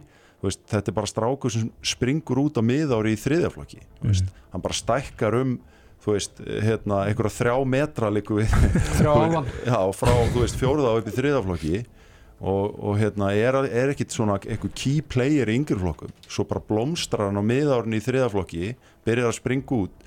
Þannig að þú veist, ég held að hann sé bara á sinni eðlu, vegferð og er alltaf að bæta sig. Mhm. og bara er búin að taka ákvörðunum að leggja allt í þetta. Mjög flott Æ, geggja. Það bara mjög gott. Strákar áður en við förum úr, úr þessu leik Þetta er síðasta sóknin hjá, hjá FH Það er svona ennin lokasóknin. Já, þetta var Ættum við að breyta nafninu úr podcastinu og hann kasti bara í lokasóknin. Lokasóknir Er það ekki, er Jú, það er að þarna? Já, það var náttúrulega bara hérna veist, þetta var bara skrítir svo sko, ég bara einhvern veginn að kerfi að enda því að að Jóhannes Bergi að fara einhver árás á milli 1 og 2 sko, sko, það, Það sem, það sko, sem Jóhannes hérna- Berg ánáttúrulega að gera þessu mómenti það, Það, það, það, það var náttúrulega bara strax aftur á þessa Já, þarna, já, ég bara sækju farin á miði og fá það, þú veist, annarkor skýtur hann þá Já. eða ef þristurinn kemur, þú veist, það er nægur tíma eftir að leiknum, sko. Já, bara það að hann þr þröngi sér þarna í milli 1 og 2 Mhm. hann er bara að klára leikin En það er náttúrulega bara eitthvað já, já, þú veist, það en var þetta er alltaf bara hans hreyfing skilur hann, elskar að að leiknu sko, að ef hann hefði farið bara hann á miði enginn komið hjálpa, bara hefði hann skotið bara ok, ekki, bara eins og Pétur Átni já, ennþá betur stöðu heldur en Pétur Átni á, á móti fram sko, Mhm. en þarna bara klárar hann leikinu på sitt einstæmi og, og þetta fyrir bara í, í, í reynslu bókan en, en frábær yngum með hann samt sem Já, ég held samt að hérna ég held að geti allir verið sammálu það að verið mjög skrítið ef ekkert verið dæmt þarna í þessari loka sók Já, þetta var alltaf fyrsta lagi ruðningur og ef þetta var ekki ruðningur, hvernig var þetta þá ekki neitt? Já, þetta bara, maður horfði á þetta þetta var bara ruðningur. Bara, flautaði helvitis flautur Já, en ef þú tekur ákvörnum að dæma ekki veist, eh, er þetta þá ekki víti eða Já, þú veist, það- er bara mjög skrítið að taka enga er alltaf, það er það er, ekki- það er ekki verið að taka neina afstöðu Nei, þegar er svona, svona mikill kontakt þá er bara- alltaf eitthvað brot, sóknarbrot eða varnabrot sko. algjörlega, ég segi það. En það, fyrsta lagi var þetta náttúrulega klár ruðningur. Já, en sammála. sleppi því þá, þá verður líka að taka einhver ákvörun en þetta var einhvern veginn bara svona engin ákvörun og ég held að svona bara sem betur fyrir, fyrir dómarinn í þeirri stöðu þá varði Jóhann þetta skot sko. Já, einmitt. Já, ég hef ekki viljað sjá það hvernig það endað að hann skora sko, bara hvort þeir hafi látið markið standa Já, sko, því ég að bara- Steini var sko trilltur hérna í Já, lokin sko, þú veist, eh, hann horfið bara á þetta nú, eða þú veist, vantalega horta á þetta bara gerkvöldi og sér þetta bara kláruðningu sko en, Já. en ímyndið ykkur hvernig á makki ef hann hefði skorað sko. Það er bara, Herðu strákar, ég held að þetta sé komið úr þessum leik og vindum okkur í síðasta leiki sem við ætlum að fara yfir í, í þessum þætti. Það er leikur Vals og Harðar sem að endaði með tíu marka Sigri Vals drengið 38-28 þar sem að eh, Agnars Mári Jónsson var markaðhæstur Valsara með 6 mörg hjá Herði var eh, Óli Björn Viljánsson og Tadeo Saldúna Saldúna.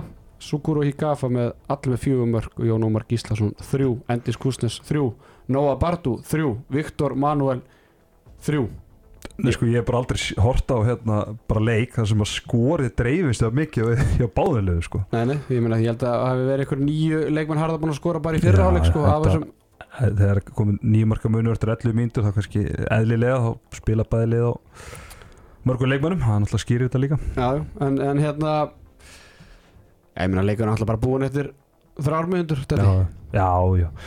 Og þú veist, valsararnir bara væðalösir sko, veist, þá bara hérna svona stilti sig upp eins og þú voru að fara að spila 6-0 Aron Dagur kemur svo fyrir framann Færi fyrir meitt Já, farið fyrir meitt og þá hugsaði maður, já, já, þetta getur orðið bras. Og svo bara í fyrstu sókninni kemur hérna þversendi yfir Benedikt Óskar og fer í hérna krúsidúlu hraðaplöp og bara setur svolítið tónið sko og þetta var eiginlega bara þetta var bara svo eitthvað skrýpalegur hérna fyrstu 10-12 mínútur bara Já. hérna svona gæðaleysi í herði skot og, og annað klöfuleg tæknifélar og, og valsarði bara refsuðu og bara svona síndu sína bestu hliðar á, á þessum kapla og, og þetta var ekki svona, já þetta var eiginlega bara game over eins og segir, bara ansið snemma. Carlos Martin Santos skoðinu menn hann tók eh, leikli í stöðinni Það er ekki bara eftir svona 6 mínútur eða eitthvað? Jú Við vinnum það og hann var tilbúið með timeout spjald með tvö eftir tímyndur Það er svona Já, það er svona alltaf svona Já, ég menna harðamenn voru bara sjokkir að þeir fyrsta lagi var augljóst að þeir byggust ekki við þessari 5-1 vörn að minnstakosti var eh, hérna, greinlega ekki búið að það verið ekki farið þorri undirbúinstímans í að undirbúið sér gegn 5-1 eh, svo, ég meina þú veist, hörður það er indislegt að fá þá upp ég, ég fór hérna vestur síðasta vetur, það var bara ótrúlega skemmtilegt þó að við reynda margt skríti gerst í, í í, þeim, í þeirri ferð og þeim leik. En þú veist, það var bara stemning að koma umgjörðum var flott og, og hérna, þeir að leggja mikið metnað í þetta fyrir vestan, þannig að bara algjör stemning að fá það upp. Ég held að sé ljóst að svona þeirra vegferði vetur verður uh, brött þú veist, þeir munu alveg eiga góða leiki og standa sig. Verkefni verður að ná fram svona ákveðnum aga bæði í vörn og sókn. Þú veist, þeir get ekki leift sér sama svona agaleysi eins og þeir kannski komist upp með í grillinu og það síndi sér náttúrulega bara strax í þessum leik. Uh, þú veist, það var ekkert óvand í því hvernig raunverulega valsarni spiluðu skilur og það var svona viðbúið þeir myndu eh, ná fram raunverulega nákvæmlega þessum hálfleik fannst mér svona fyrirfram. Samaskapi verður að hrósa líka herði bara fyrir að, að hætti ekki alveg skilur það? Svona, þú veist, þeir, þeir, þeir síndu takta líka í setna hálfleik og svona aðlöguðust aðeins en, en hérna fyrir Santos þá verður verkefni að að fá aga á sókn og vörn Mhm. til þess að lenda ekki svona skellum. Já, ég held að við einbyttum okkur svolítið bara að harðaliðinu í þessum, þessari umfjöllun og hérna veist, það eru tveir gríðilega mikilvæg leikið framöndan hjá herði, það er Káa í næstu umferð og svo Ír mm. og svo náttúrulega fresta leikur með dýbu af þannig að veist, þetta er náttúrulega eins og ég sagði í síðasta þætti það er náttúrulega alveg hræðilegt að vera búin að býða eftir að komast í úrvarsteld í 2-3 ár búin að leggja mikið í þetta og, og síðan ég meina þú veist Sukuru Hikafa þegar markaðasta leikmaður hann var löglega klán þrjú í, í gær. Það var hæri skittan hæri skiptan, já, réttandi sem er náttúrulega vinstri skipta, Gundis er náttúrulega handabrotin og verður ekki með næstu tvær, þrjá vikurnar, örfenda skiptan. Uh, brasilíski markmaðurinn sem er fengu úlíka landslismadur, hann kom á þriðjudaginn hann er búin að ná tveimur þú veist, einstaklingsæðingum þannig að þú veist, það er svona algjör synd að þetta hafi ekki verið að leikmannhópuna hafi ekki verið klár bara í, í byrjun september á lámarki og ég menn Já, þú veist, þeir taka þótt í Ragnarsbótinu og síðan ekki söguna meir. Ég held að þeir hefði alveg verið til í að þessi leikir á móti Káa og Ír þessi perjóta hefði verið kannski 7-9 byrjun óberið eitthvað. Þú veist, fá allar þess að gæðin og spila sér svona aðeins, aðeins betur. Saman og komið með fullt af nýjum nýjum leikmönnum uh, líka sko og þú veist og það var alveg sko því ég, ég skal bara viðkjörn það því ég hef búin að horfa á fyrirháleikin þá fekk ég bara svona ír 2020-2021 bara svona væp því ég horfði á þetta. Já, þú veist, þetta er bara svona sama katastrófan og bara svona ganni þá bara fletti ég upp á HSI á bara hvernig fór Valur í er hérna fyrir tveim árum.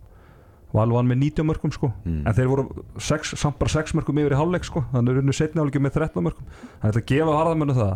Þeir allan að bara held áfram og þú veist vantarlega hefur bara hálfleiksræðan verið ok, stráka við erum hérna 13 mörgum undir en við erum bara hérna með verkefni og við erum bara að spila okkur saman og við horfum bara á hana setni hálfleik bara sem bara hluti af þeirri vekkferð áfram sko. við erum ekkert að spá í hvað stendur á töflunni hérna Mm. þú veist, við bara spilum okkar leik og bara reynum að, að gela okkur saman sko. og kom kapli þarna í setniháleik tímynda kapli sem er vinna 7-2 og þá sá maður alveg svona á öllu body language og annað sko, þú veist, þeim leið miklu bara leiðum svona leiðaðins bara vel skiluru þú veist, Valur var komin nýri 6-0 þannig að svona, þeir náðu svona kannski að spila sína taktikar og sem bolta betur. Já, að það var allt annað að sjá það heldur en það. Þó maður eigi kannski ekki að dæma ómikið af okkur rulltíma auðvitað sko, en Nei, nei. það var alveg svart og hvitt fyrir setni fannst mér sko. Já, þú veist, ég, hérna, ég meni þó eins og ég sagði upp að þetta hafi komið null og óvart að leikurinn hafi spilast svona í byrjun e, þá hafa harðamenn ekki til þess að skammast sín fyrir, alls ekki Það meina, fleiri lið sem að hafa eða, betri lið sem hafa tapast stærra á móti val en þetta sko. Já, já, ég meina, þú veist, þeir bara hérna lendu í hakkavillinni hjá e, þú veist, sjöföldum e, mesturum síðustu tvekja þryggja ára, skilur, ég meina þú veist, þeir hafa ekkert að skamma sér fyrir og, og nákvæmlega eins og þú nefndi þetta þeir, þeir byttu í skjaldarendur í, í setni háleik og, og svona síndu aðeins hvað þeir munu bjóða upp á í vetur ég er alveg viss um það að það verða góð lið sem munu lenda í algjöru vesenni á Ísafrið í vetur sko. Já, einmitt, það- þannig að hérna, þeir eru ekkit eitthvað dotnir að baki þó er að fengi smá löðrung á hlýðarenda sko. mm. Áskur tókst eftir því sóknarleik Harðar að að það gekk tölvöld betur eftir að Valsarði fóru í 6-0 en, en þú ert svona, ég segi að þú ert algjörlega sammála með því að þetta er ómikið einstaklingsmið að maður og mannmoment og þeir eru bara ekki að vinna þessi moment, þeir eru bara að spila mikið. miklu betri varnamenn Já. en heldur en í fyrra sko.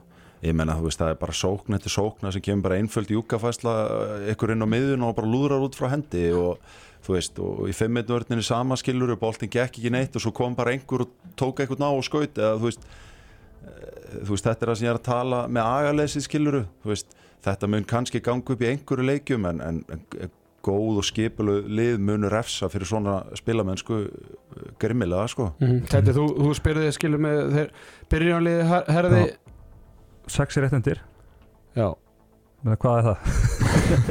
Nei, þú veist að þegar svo þú veist maður bara horfði, horfði á þetta og þá bara ok, þeir bara er ekki með hérna örfetta leikmenn, bara eins og staðan er núna en uh, þeir voru koma hérna Tadeo. sp sp spánver inn á í hæra Argentínumöður Argentínumæður Tadeo með spensnafn Já, og hann er hérna alltaf búin að spila þarna, þetta er alltaf bara þriðja fjóra tíðanbili hans, hann kom ítalskan ríkisborgar rétt og, en hann alltaf bara kemur sent inn í þetta. Veist, hann kemur ekki frá Argentínu bara fyrir, fyrir viku eða tvö viku síðan sko. en ég minna hann, hann, bara, ég held að hann er nýtt öll sín færi og á línu. tvisvar línunar þetta en, allt í góðu, þú veist voru náttúrulega með fyrirliðan hérna í hæra hóttinu réttenda, Óla. Óli Björn. Óli Björn og svona vel við hæfi að, að svona, hann er svona samnefnari fyrir þetta æfintyri, þú veist, maður er alltaf heyrt þetta nafn í tengslu við þetta, hann hafi skorað fyrsta markið sko, bara. Já, já. og skoðum til hamingi með það. Fekk tækifæri til að skora aðeins fyrir að klikka Var heppin að fá síðan aftur bolta bara í Já, kjálfarið en hvað er hann hann er svona bara svolítið að leysa alla stöður þetta eða eitthvað, ja, hann er bara hotnamaður aðalega og, og vítaskitta já, En, en þarna. En þú veist, þau eru ekki að vera með allavega einn jú. er Jú, hann er uh, verður starter held ég og hefur verið sko. Já, og það er ekki að verða allt annað að hann er komin í, komin í stand í hotninu og fá hérna Gundis, já, já, konum með tvo, örfendar sko, rosalega um það, sko. rosalega. Og þú veist maður var kannski svona að horfa, horfa á þetta. Maður bara kynast þessum mönnum bara eins og bara flestir sem er að fylgjast með þessu og þú veist eins og segja markaskori dreifðu svolítið, það var svona engin svona kannski stóð upp úr þannig en það voru taktar í þessu Nóa Bardú sem að ég er svona spenntur að fylgjast með hann á Mm. alveg eftir að ég held að í svona svona liði getur hann verið alveg styrlaður sko já, já. ég held að þetta ekki fungera kannski í liði sem spilar meira systematískan handbólta en Nei, nei. ég er spenntur að sjá það voru flotti taktar í hann Nó Bardú með þrjú mörk úr, sjö skotum en eins og ég segi þetta það eru tveir gríðalega mikilvæg leikir harðar sem býða harðamanna og, og hérna vonandi en að spila sig aðeins betur saman fyrir þann leik. Strákar, í, í dag þá mæta síðan K og IBF, við ætlum ekki að segja orðum þann leik. Já bara rífa sér í gang takk. Nenni ekki eitthvað svona spili hvað er ekki samgöngur á förstum eða? Nei, það er allt lokað Allt lokað? Já, það er bara eitthvað verkvöld eða eitthvað? Já, það er ver- verkfall, Æ, alveg tala, ég, ég þól ekki svona sko. Sammála því. Bara fyrir hérna alla umfjöllin og annað. Sammála því. Herðu, hérna Við erum með nokkra umræðapunta sem við ætlum að klára þáttinn á Ásgeir, þú varst með hérna nýja reglurnar og dánað með nýja reglurnar eða hvað það er, það er hérna tvær myndur að skoti í haus og, og, og miðið hringurinn þar sem að þú veist, línumar þarf ekki, þú náttúrulega þekki það kannski að því báðir og það var kannski óþólandi að þú alltaf að stíga þessa helvits línu. Já, sko, já, já, ég meina ég er mjög ánægð með það. Ég held, svona, ég held að breytingin sé ekki eins mikil eins og menn kannski reiknuð með. Ég held að hérna, þetta transition hafi bara þegar verið búið að eiga sér stað það sem kannski breytist er að nú getur þjálfarar ekki klift saman og bent á að það hefur verið 40 ólulega miður í, í leik skilur það er tempóið er, það er ekkit nýtt í tempóinu Nei, eins og til dæmis á vali menna, þeir eru bara að spila eins og í fyrra.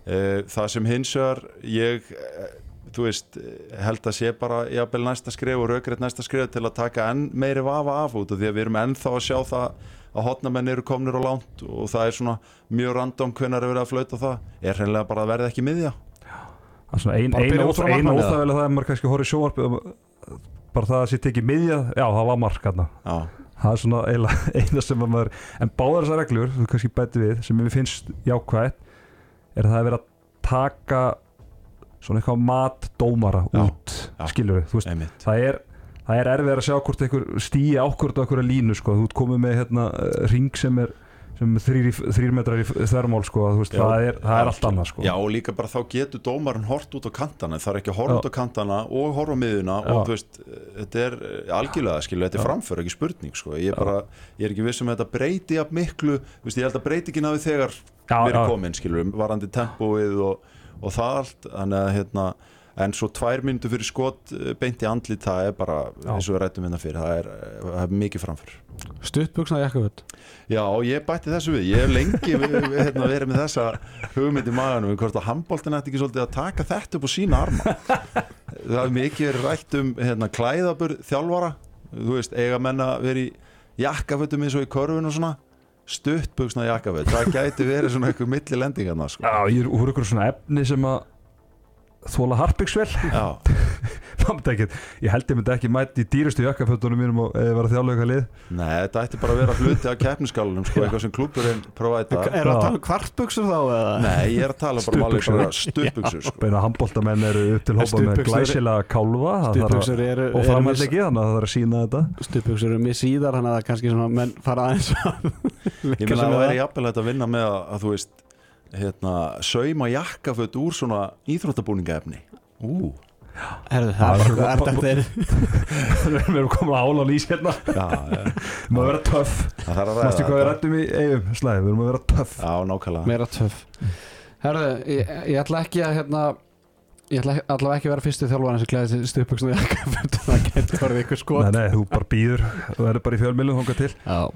Herðu, strákar, en kannski svona stærsta umræðan sem við viljum taka í þessu þætti er við fengum send, senda mynd af eh, fundi eða úr svona, hvað sem að PowerPoint skjali, það sem að dómara fengu fyrir tíðanbilið, það sem að hlaupa kröfur dómara voru á, á þeirri mynd. Og hérna, ég ætla bara að lesa þetta eins bara allir dómarar þurfa að ná að fara í píptest og við með er 9,5 fyrir 40 ára eldri þá er við með 9 þetta er sko levelið, þetta Já. er ekki engun Nei, level 9 og hérna, en undanþáa það er síðan kemur undanþáa vegna ólýstilda mögulega undanþáa fyrir þá sem ekki ná viðmiðinu. Hvað þurfa þeir að gera? Jú, þeir þurfa að taka prófið aftur eftir 4-6 vikur og farið fram á að þeir náðu framförum á milli mælinga. Ok, þannig að þú getur náð bara þremur Já, og mætir eftir Já, 4 far svo bara dæmuru og svo tekur þetta bara aftur og náður fjóru bara þá fara að dæma líka því að þú náði framförum. Já, eða tókst framförum. Já. Þetta, þú ert nú svona duglegur að reyfa því Já, ég geti reyndar ég reyndar sennilega myndi ekki ná þessu núna bara út af, út af meðslum en, en, en það er önnu, önnu saga. En sko, þetta er það sem að kallast á uh, góður íslensku leikþáttur. Því að sko, ef þú ætlar að vera með einhverja kröfur einhverja fitnesskröfur sko, verður þá með kröfur sko, veist það á nú 9 9.5 í píptesti.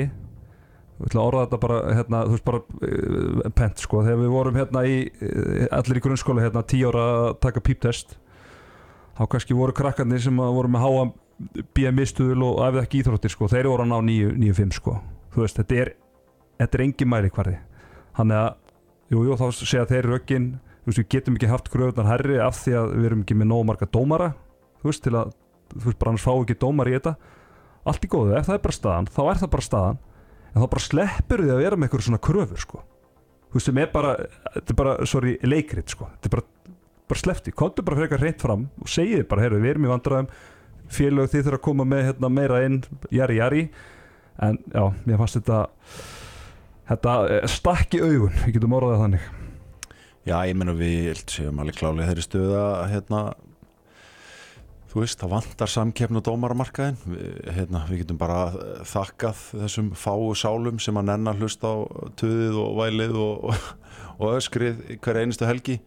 Eh, að því sögðu þá hérna, er ég alltaf svona kannski að býða eftir uh, hvenær kemur átakið hvenær kemur þú veist, uh, þetta er, er félagunum að kenna líka við uh, í félagunum þurfum að gera miklu betur í þessu til þess að fá inn fleiri dómara til þess að hérna, auka samkeppna þar. En auðvitað er þetta eins og þú segir tilgangslöst að vera með einhverja staðla ef að, ef að undanþáan er endalus já, bæði undan og bara þessi Þessi krafa. Já, þú veist bara þe- Já, þú veist Þetta Þetta, við, þetta, þetta viðmið sko. Já, Þetta er viðmið sko Já, þú veist 9-5 er engin mælikvarði í píptest að þú getur. Sko, ef þú, nær, ef þú slefar hérna á 9-5 í píptesti þá getur ég lofa þér því í hröðum handbóltaleik og tímyndur eftir þá ert þú að vera döð þreyttur sko. Já, já, Þú veist, það er bara þannig. Og, já og, og það hefur áhrif á ákvörðuna og við höfum bara svona óstafestar heimildi fyrir því að það er bara tölvört að dómurum í ólistettinin sem eru bara ekki að ná þessum kröfum. Nei. og það er ástæðan fyrir að þessi undir þá, undir þá er Ha? Ha? Þetta er grínast. Býttu, ég ætla að ná í höguna hérna. Þetta, ég- ta- náðu í höguna Nei, þetta er grínast. Þú ert- Þú ert að grínast núna Eru er dómarar í alveg ekki að ná Af hverju þetta þessi Níu, undir níu, þá sé Ég held kannski að menn verið mittir eða eitthvað. Þetta það, er það. grænjandi hérna, þetta er Ekki ég- helst, það eru dómar í deildin sem er ekki náðu þessu undir þá sko. Og fleiri en einn og fleiri en tveir, Áskir, þú, Já, hérna er. þú vissir þetta ekki? Ég og maður er svona heyrt eitthvað af þessu. Þetta þetta er bara svo látt við mig. Ég þú held að ert í væri- Ég held að væri Nei, ég held að Þú ert í Hæ? Ég held að það er átti á því. Nei, ég held að þetta væri, þú veist, einhverju væri ekki að ná þessu Kannski væri að glíma eitthvað meðsl Nei, nei.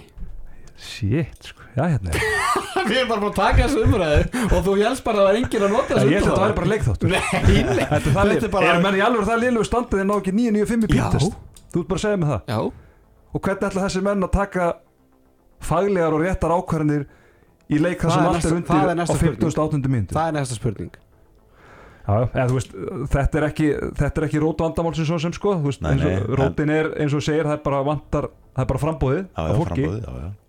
og þar þurfa að byrja en þetta er bara svona byrtingamynd þessa vandamáls, eru ég meina geggja það hérna píptessu. Með henni mann þegar ég var í Káir hérna fyrir nokkrum árum og, og Gústi Jó var að þjálfa þá náttúrulega sjálfsögðu að hlaupa gikkur sem hann er, sett okkur í, í píptest. Og það var eitt leikmaður sem hann náði tveimur koma þrem með eitthvað svo lis já, og Er það dómar í dag eða? nei, þá sem sagt þá sem sagt var, voru að hlaupa þetta var þetta í gamla salnum í Káir og svo er hann að snúa við. Festi sig einhvern veginn í netinu á markinu. Dettur og snýr snýr upp á öklan eða eitthvað. Og var bara búinn Fáðu 2,3. nafn eða? Fáðu nafn. Hann er uppalinn í FH spilaði mig íhá líka Hvað, Theodor ekki Pálmarsson? nei, þetta er ekki. Ég Nei, nei, á ég að segja námið á Já, já. Stefán Tómas. Og, hérna svipurinn á Gústa Jó hann var, hann var ólýsalegur þetta var þetta er eitt svona Nei, menn þetta er satt, þetta er satt. Þetta er eitt finnasta já þú veist þetta var eitt maður kannski ekki að hlæja þessu. Þetta var, þetta var svona hjákállegt sko ná tveimur í píptest það er ekki þú vilt Það var gott að vera mynd á þá. Já hann er komist í gegnum. Hann mætti dæma út af eftir þetta til þetta betur. Út af undan þá hann sko. En bara þannig að sjálfur hennu þá á, hérna, vann ég heimavinnu mín og ringdi í Kristján Gaug formann dómaranemdar í, í gær og rætti þetta. Og þetta er bara, svona er þetta og bara eins og þetta segir að hérna, þeir feila svo baku það að það er bara fjöldin er ekki meiri.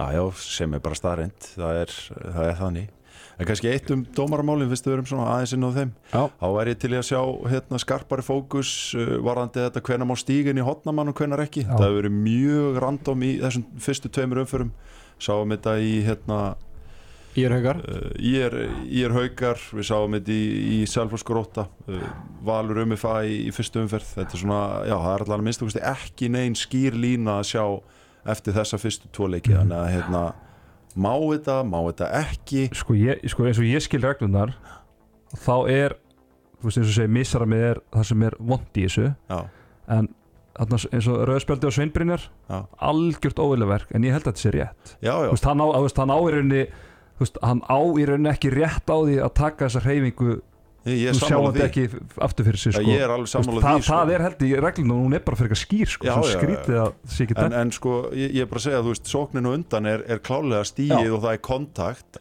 Og við sjáum þetta líka áður í fyrriháleik hérna e, hjá haugunum að þá fer hérna Brynjúl til dæmis snert eða bara svona slæri í friðrik á leiðin inn. Þú veist það, það, það er bara þetta sem ég er að kalla eftir skilur. er þetta þá víti tvær eða ekki víti tvær út af því að stundum átti þetta stundum hefur þetta ekki mátt í leikjónum það er bara þessi lína þú veist, út af því að hún var svona virkaði frekar skýr í fyrra. En svo núna fyrst mér í fyrstu tveimur umförunum hefur við séð bara alls konar. Já. Já, það er oft þannig. Menn svona menn fara í komfortzóni, bara bakka með einhverja, hluti sko, þeir eru vanir að dæma já, þú veist, í tíu, hvað- þar á undan þá voru þetta bara tvær myndur Það sko. fær ekki bara eftir hvað dómarður hafa náðu í píptestinu mánuð áður bara, sé stjörnur hérna í þessu mómenti sko. Herðu þið strafa, förum, að- klára þetta næsta umferð fyrir fram í næstu viku. Ég ætla að fá bara örstuðt merki 1x2 Hörður Káa, Ásker e, Tveir. Já, ef þessi leikur hefði verið í sjönda áttumferð þá hefði ég haft meiri trú að harðamennum en ég held þessi ekki alveg komnir þanga að geta unnileg svo káa tveir. IBF4, Ásker e, Einn já, ég held ég að vera eitt líka. Gróta stjartan e, Tveir. X. Fram afturölding Ú, þessi er erfiður. Af, Fram hefur haft svona svolítið tök á afturöldingu En Er þetta ekki X-leikur? jú, ég mjög algengt X. Þetta er mjög algengt X. Já, þetta er svolítið áhverð Ég segi X. Uh, ég ætla að segja afturölding vinnur. Tveir. Já. Haukar Selfoss. Þetta er geðvika leikur. Já, þetta er mjög spennandi leikur. Ég held að, ég held að haugarnir séu bara það reyðir eftir hérna síðasta leik að ég held að þeir mæti alveg trilltir. Það er ásanna sko. ég ætla að segja óvætti tveir. Já. Já, hit, hit him when it hurts. Hann er ekkert að segja þetta Þetta er ég bara, í þessu að þið voru sammáli fyrstu tema þegar það væri ekki annað hægt já. að þá Ég er að er alltaf að þetta reyna að segja eitthvað Þessi umferð, hún verður bara betur og betri F og Valur. Úf, F með eitt stig. Já ég á heimaðalli Ég held að segja X hana. Já, þetta eru uh, ég tvítir ekki? það? Nei. Mér- já, ok, þá ger ég bara ráð fyrir Egil Magnússon sé off og á vinnu valur þetta. Heldur betur. Herðu Ásker Jónsson uh, Þakka kærlega fyrir komuna. Teodor Ponsen Við sjáumst það bara sem fyrst. Setjubylginni í fjórðumferðinni yes, Ég og Afi Gaupi ætlum að hittast hérna mándags morgunin og fara yfir K.I.B.V. og fara svona yfir málin í fyrstu tveimur umförunum sérfræðingurinn. Þakka kærlega fyrir sig, strákar. Takk fyrir komuna. Takk fyrir. Takk fyrir